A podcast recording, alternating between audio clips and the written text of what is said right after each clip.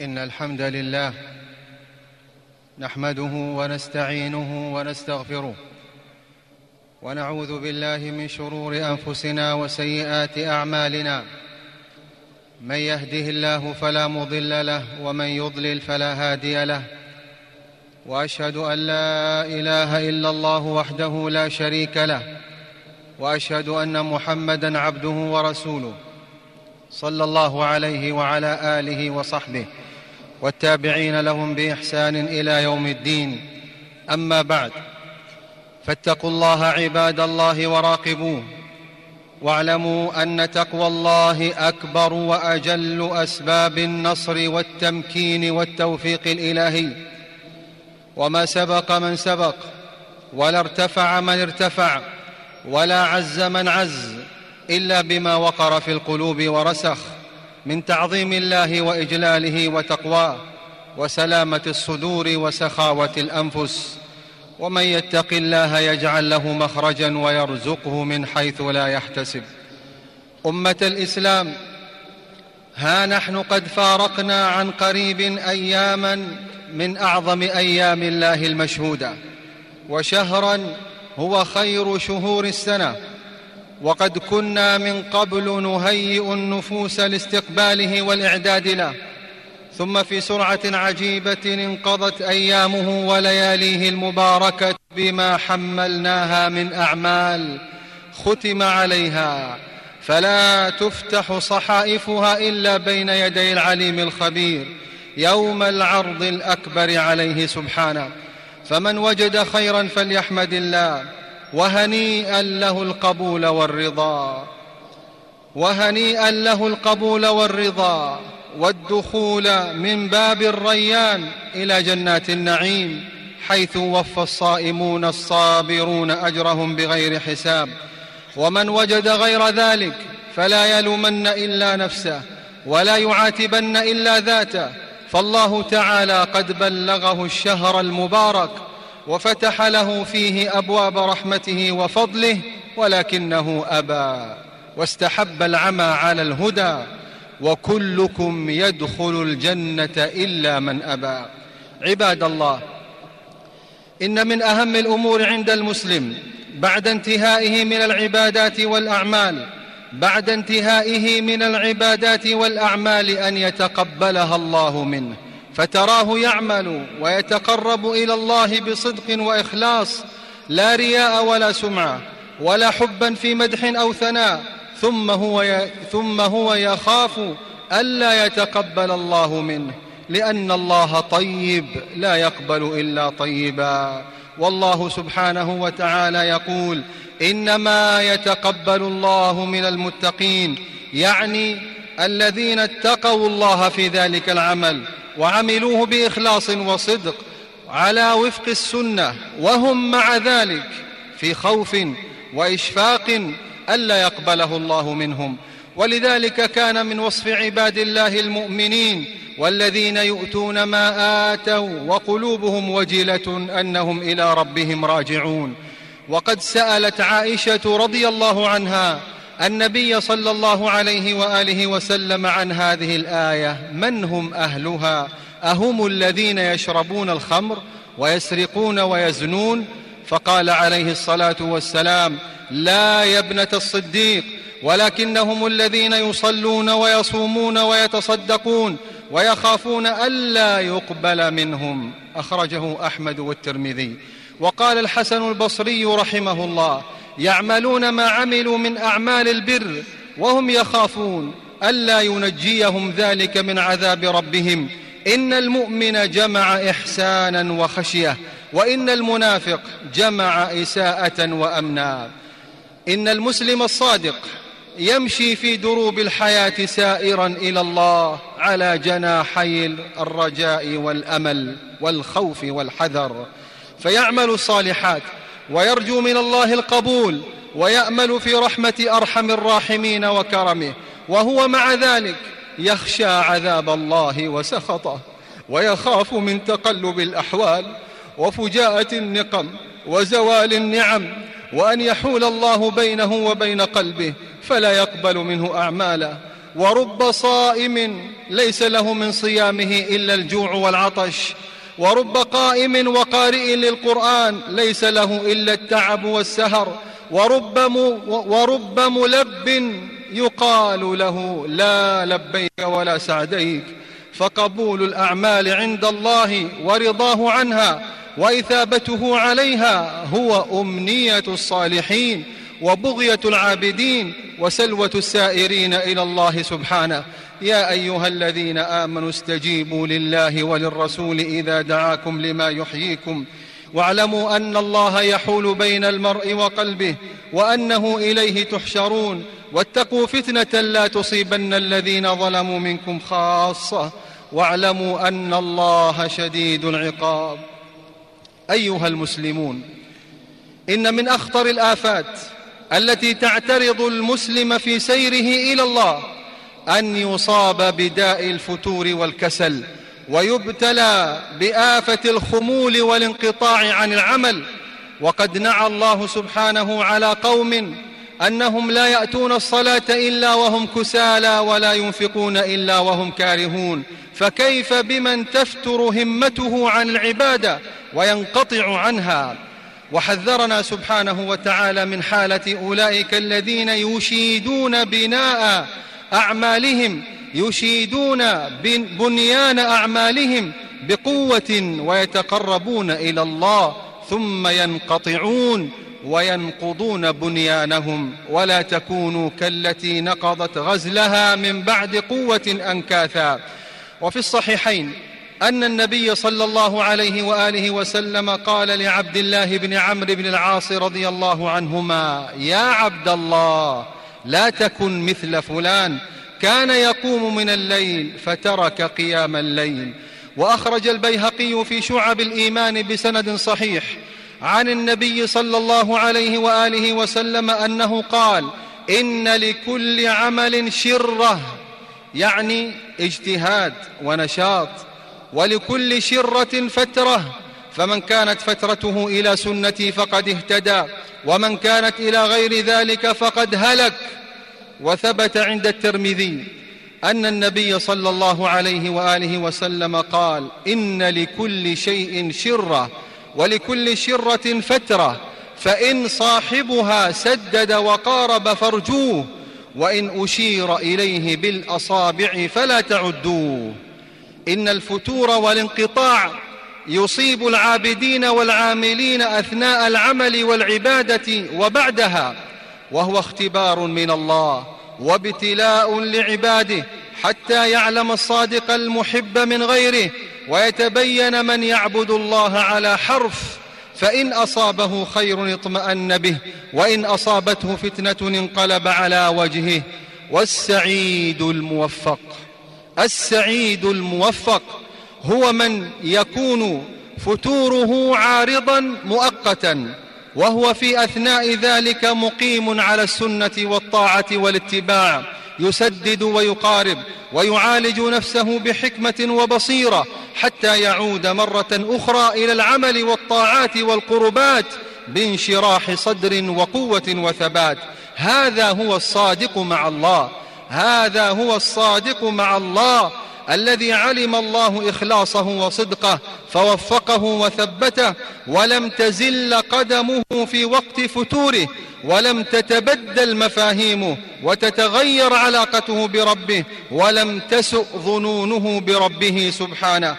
وأما الهالك حقا الهالك حقا فهو الذي كان فتوره وانقطاعه عن العبادة والعمل بوابة بوابة نفذ منها إلى التخفف من الواجبات والفرائض والتساهل في المحرمات.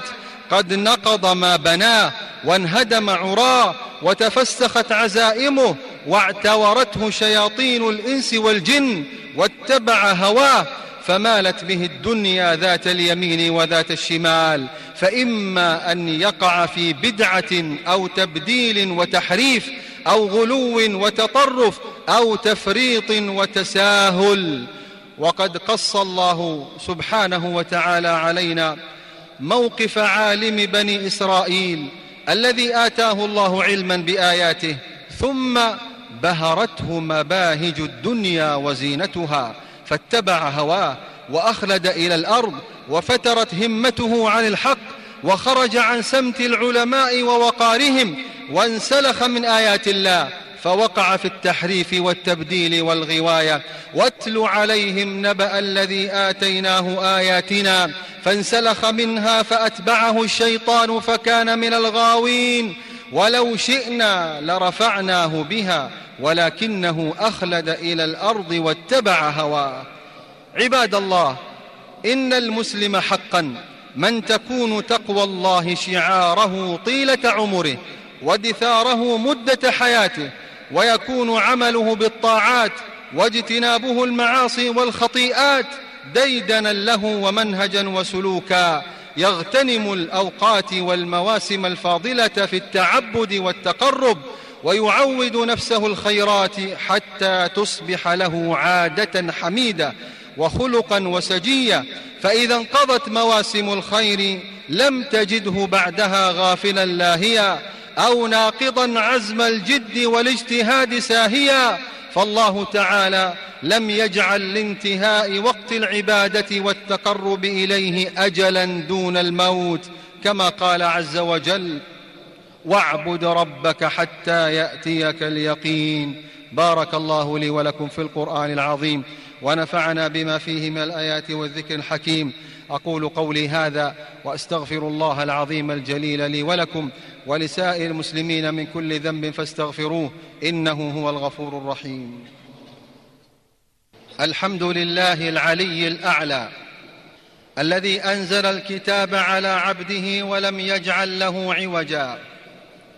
والصلاة والسلام على المبعوث بالرحمة والهدى الأسنى وعلى الصحابة الكرام أولي الفضائل والمكارم والنهى. والتابعين لهم بإحسان ما تعاقبت الشهور والسنون إلى يوم القيامة الكبرى أما بعد فيا أيها المسلمون إن من أشنع الفجور وأكبر الكبائر عند الله أن يتورط المرء عن عبد وإصرار في سفك دماء طاهرة بريئة وأنفس معصومة وينتهك حرمة الزمان والمكان بتفجير وتخريب متعمد. يراد منه إهلاك الحرث والنسل وإحداث الفوضى والعبث بالأمن وزعزعة الاستقرار لتحقيق مآرب سيئة ومقاصد خبيثة وأهداف تخريبية. يقف من وراء ذلك كله عصابات مجرمة وتنظيمات إرهابية طائفية وأعداء حاقدون اتخذوا من أغرار جهلة سفهاء الأحلام حدثاء الأسنان أدوات ووقودا لإشعال حريق الطائفية والخراب والفوضى وعدم الاستقرار في بلاد المسلمين وفي مقدمتها حامية الحرمين الشريفين المملكة العربية السعودية. إنما حدث في هذه البلاد المباركة حرسها الله خلال أيام رمضان المبارك وفي آخره على وجه التحديد من تفجير, من تفجير وسفك للدماء وترويع للآمنين حتى وصل الأمر إلى حرم رسول الله صلى الله عليه وآله وسلم لهو فاجعة فاجعة بكل المقاييس لكل مسلم غيور محب للحرمين الشريفين وداهية محزنة مؤلمة ومحيرة مقلقة في آن واحد. محزنة ومؤلمة لأنها حصلت في بلاد الحرمين مأرز الإيمان ومهبط الوحي وقد راح ضحيتها مسلمون أبرياء ورجال أمن أوفياء نحسبهم شهداء عند الله رحمة الله عليهم جميعا. وكادت كادت أن تصل إلى مسجد رسول الله صلى الله عليه وآله وسلم. لولا عناية الله ثم جهود رجال الأمن قواهم الله. وهي كذلك محيرة ومقلقة لأن كل العقلاء كل العقلاء يتساءلون من أين أتى هؤلاء المعتدون الجهلة؟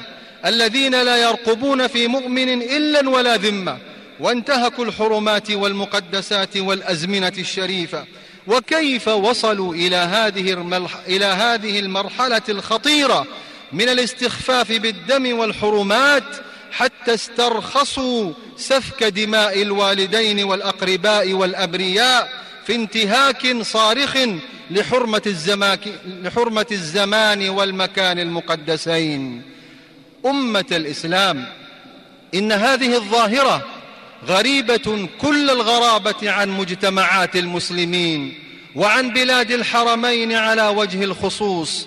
تلك البلاد المباركة التي عاشت وما تزال بحمد الله في ظل منهج الاعتدال والوسطية وسماحة الإسلام حكاما ومحكومين. مما يؤكد تأكيدا بالغا على أن هذه الظاهرة تقوم على أفكار ضالة متطرفة وتصورات منحرفة بعيدة كل البعد عن مجتمعنا المسلم. يتولى نشرها وبثها. أعداء حاقدون هم في الحقيقة حاملوا لواء الفساد والإفساد والإجرام والطائفية والإرهاب وزعزعة الأمن والاستقرار في محاولة يائسة بائسة. لتشويه وإفساد ما تنعم به بلادنا من أمن وأمان وصحة عقيدة ومنهج وخدمة ورعاية للحرمين.